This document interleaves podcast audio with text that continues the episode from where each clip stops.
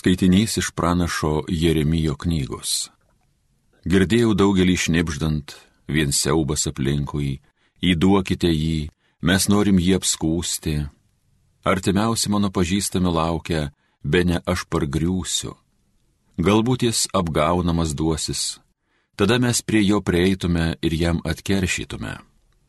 Tačiau su manimi yra viešpats lyg tvirtas karaliūnas, todėl mano persekiotojai klumpa ir nepakyla.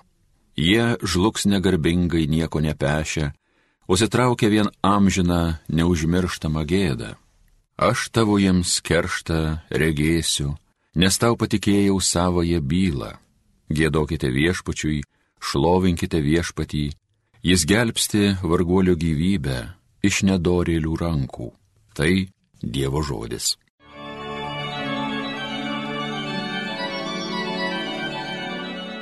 Ėmiau sielvartę viešpatį kviesti, jis mane išgirdo. Mylėsiu tave, viešpatie, mano stiprybę, viešpatie priebėga mano tvirtovę, vaduotojau mano. Ėmiau sielvartę viešpatį kviesti, jis mane išgirdo. Dieve, prieglopsti mano, tavime aš viliuosi, tu mano skydas, išganimo ramstis, mano globėjas, šlovingojo viešpaties šauksiuos, ir išvaduotas būsiu iš priešų. Ėmiau sielvartę viešpatį kviesti, jis mane išgirdo. Iš visų pusių mane daužė bangos grėsmingus, pražutingiai srautai baugino, apraizgytas buvau pragaro pinklių, gausybės pragaištingųjų spastų. Ėmiau sielvartę viešpatį kviesti, jis mane išgirdo.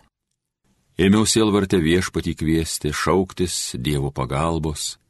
Jis savo šventoviai mano balsą išgirdo, mano šauksmas jo ausį pasiekė. Ėmiau sielvartę viešpatį kviesti, jis mane išgirdo. Šlovėtau Kristau, amžinosios garbės karaliau. Tavo žodžiai viešpatie yra dvasia ir gyvenimas, tu turi amžinojo gyvenimo žodžius. Šlovėtau Kristau, amžinosios garbės karaliau. Iš Evangelijos pagal Joną. Žydai stvėrėsi akmenų, norėdami Jėzų užmušti, o Jėzus paklausė juos, Tėvo valia su jums padaręs daug gerų darbų, už kurįgi darbą jūs užmušite mane. Žydai jam atsakė, ne už gerą darbą užmušime, bet už pikžodžiavimą, kad tu būdamas žmogus dediesi Dievu. Jėzus atsakė, Argi jūsų įstatymė nėra parašyta, aš tariau, visi esate dievai. Taigi įstatymas vadina dievais tuos, kuriems skirtas Dievo žodis, ir raštas negali būti panaikintas. Kaip tad jūs galite sakyti tam, kurį tėvas pašventino ir siuntė pasaulin, tu pikžodžiauji, kai jis pareiškė, aš Dievo sūnus. Jei aš nedarau savo tėvo darbų, netikėkite manimi.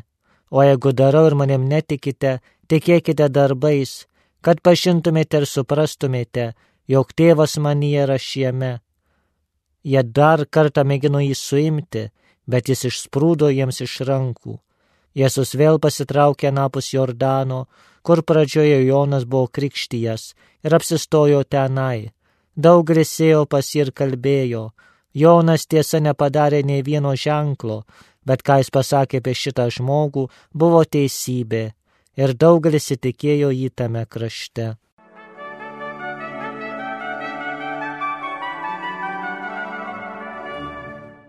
Kuo arčiau gavėnios pabaiga, kuo arčiau didžioji savaitė, Velykų tridienis, tuo Evangelijos, sakytume, skamba grėsmingesni tonai. Konfliktas su Jėzų netikinčiais jo tautiečiais, eina iki pat kulminacijos. Tai yra nebesiskaitama, sakytume, su žodžiais, toji neapykanta Jėzui aukte auga. Visą savaitę girdėjome Jono Evangelijos ištraukas, tuos debatus, sakytume, pokalbį su savo tautiečiais judėjais ir girdime, kaip jie vis labiau niršta, kad Jėzų vadina ir velnio apsėstų ir pamišusiu, šiandien sako, kad netgi apkaltina, kad tu esi pikšodžiautojas, netgi griebėsi akmenų norėdami Jėzų užmušti. Taigi per pagrindinis kaltinimas Jėzui, tai yra, kad sako, tu būdamas žmogus, dediesi Dievu. Ir jeigu iš tiesų Jėzus būtų tik žmogus, iš tikrųjų jie būtų teisūs, nes esant paprastam žmogui, vadinti save Dievo sūnu, prilyginti Dievui, iš tikrųjų yra pati didžiausia nuodėmė. Taigi galima sakyti, arba Jėzus buvo tikrai didžiausias pikšodžiautojas, arba tai, kuo skelbė ses Dievo sūnus tikras Dievas. Taigi toji neapykanta užtemdo Jėzaus priešininkams akis. Tas netikėjimas, priešiškumas, sakytume, yra būdingas visiems krikščionybės priešam. Jie ne, netiki Evangeliją, netiki bažnyčios mokslu, netiki nieko, kas jiem neparanku. Tai yra žmogus tokia būtybė, kad kartais jeigu kažko nenori tikėti, jam gali prieš akis didžiausi stebuklai darytis, gali atsiverti dangus, jis vis tiek suras progą ar priežastį pasakyti, kodėl tai netikra. Ir tai nuo paprastų būtinių dalykų šeimoje, jeigu būna kažkoks nusistatymas prieš kokį nors šeimos asmenį, kaip dažnai ir kokios marčios anytos ar giminės pykstasi, tai nesvarbu, kad tas, tas žmogus, kurio nemėgstame, sakytų, darytų, kad ir geriausius darbus visuomet mes sakytume, rastume priešdį sakytą, jis apsimetinėja, tai gal iš čia kažką suka, gal iš čia tik pasirodyti nori ir visur kitur, ir turbūt viešoje erdvėje, ypatingai politiko, jeigu kažkokią turim savo mylimą partiją, tai nesvarbu, ką jos nariai padarytų, tikrai tą partiją ginsim, sakysim, o čia visi kalti tik ne jie. Taigi to blaivaus žvilgsnio tikrai reikia kiekvienam iš mūsų. Viešpats ir, ir atsako jį kaltinusiems žydams, sako, juk šventame rašte, sename testamente parašyta, kad jūs visi esate dievai aukščiausios sūnus. Kiekvienas, kuris tiki Dievą, kuris yra jo sekėjas, yra jo vaikas, tai yra mes krikščionys ypatingai per krikštą tapome Dievo vaikais.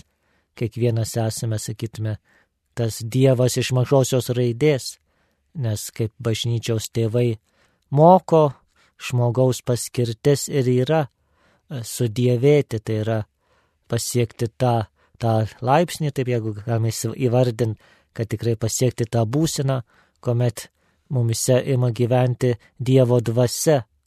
Ir dangus tai ir yra buvimas su Dievu ir Dievuje.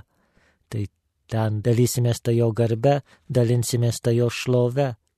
Taigi nesame tik, sakytume, žemės dulkės, nesam tik vargšiai nuodėmės vaikai, bet esame pašaukti didžiam šventumui ir esame pašaukti būti Dievo vaikais. Dievo dvasia gyvena mumyse ir Dievo dvasia daro savo darbus. Todėl krikščionybė ir moko, jog kiekvienas žmogus yra ypatingai vertingas ir ypatingai svarbus. Pagonybės pasaulyje žmonės žmonės rušiavo pagal naudą ar pagal, sakytume, kilmingumą. Ten kokie karaliai, imperatoriai yra daug vertingesni už kokius nors vergus ar, ar moteris, vaikus. Kareiviai yra naudingesni ten vėl už kažką. Gyvybė buvo nevertinama, kaip ir šiais laikais, kuomet pasaulis vėl grimsta į pagonybę, gyvybė vėl nevertinama, matome. Tas beprasmis karas, kiek daug, kiek daug žučių beprasmių, Ir taip neleidžiama vaikam gimti arba eutanazijos pritaikymas kitose šalyse beveik, jeigu jau sulaukė seno amžiaus, tai 90 procentų, kad tau pritaikys eutanaziją, nes tu esi našta visuomeniai. O krikščionybė moko, kad kiekvienas žmogus yra orus ir svarbus, tai yra nesvarbu, ar sveikas, ar lygotas, ar protingas, ar nelabai, ar, ar prezidentas, ar karalius, ar paprastas elgetas sėdintis prie bažnyčios, kiekvienas yra Dievo vaikas, nes nešiosi Dievo atvaizdą ir jo panašumą. Taigi tikrai išmokime vertinti save, išmokime tikrai tą teisingai save mylėti kaip, kaip Dievo atvaizdą, bet svarbiausia išmokime vertinti ir mylėti kitus, nes tikrai kiekvienas iš mūsų esame Dievo rankų darbas ir per Kristų tapome Dievo su įsūnės ir įdukromis.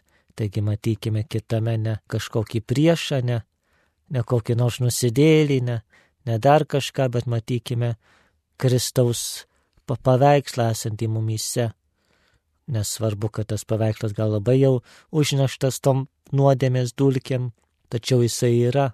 Ir mūsų kaip krikščionių paskirtis tai yra stengtis tą atvaizdą nuvalyti ir savo atvaizdą, savyje esantį Kristaus atvaizdą ir savo brolius ir seseryse esantį Kristaus atvaizdą. Tikrai būkime tie, kurie sugražina žmogui jo orumą, kuris primena žmogui, kad jis yra tikrai ne, ne, ne gyvulys, ne kažkoks padaras, neaišku koks, bet, bet tikrai Dievo sūnus ir Dievo dukra. Taigi tegul artėjanti didžioji savaitė mus tikrai paruošia tam supratimui, jog labiausiai mus kaip žmonės, kaip Dievo vaikus, būtent paniekina ir sužeidžia nuodėmė. Nuodėmė mus padaro vergais, nuodėmė mus padaro kažkokiais padarais esančiais žemiau gyvulio. Taigi tikrai prašykime viešpatės, kad jis mus atnaujintų, prašykime viešpatės, kad jis mus atgaivintų. Amen.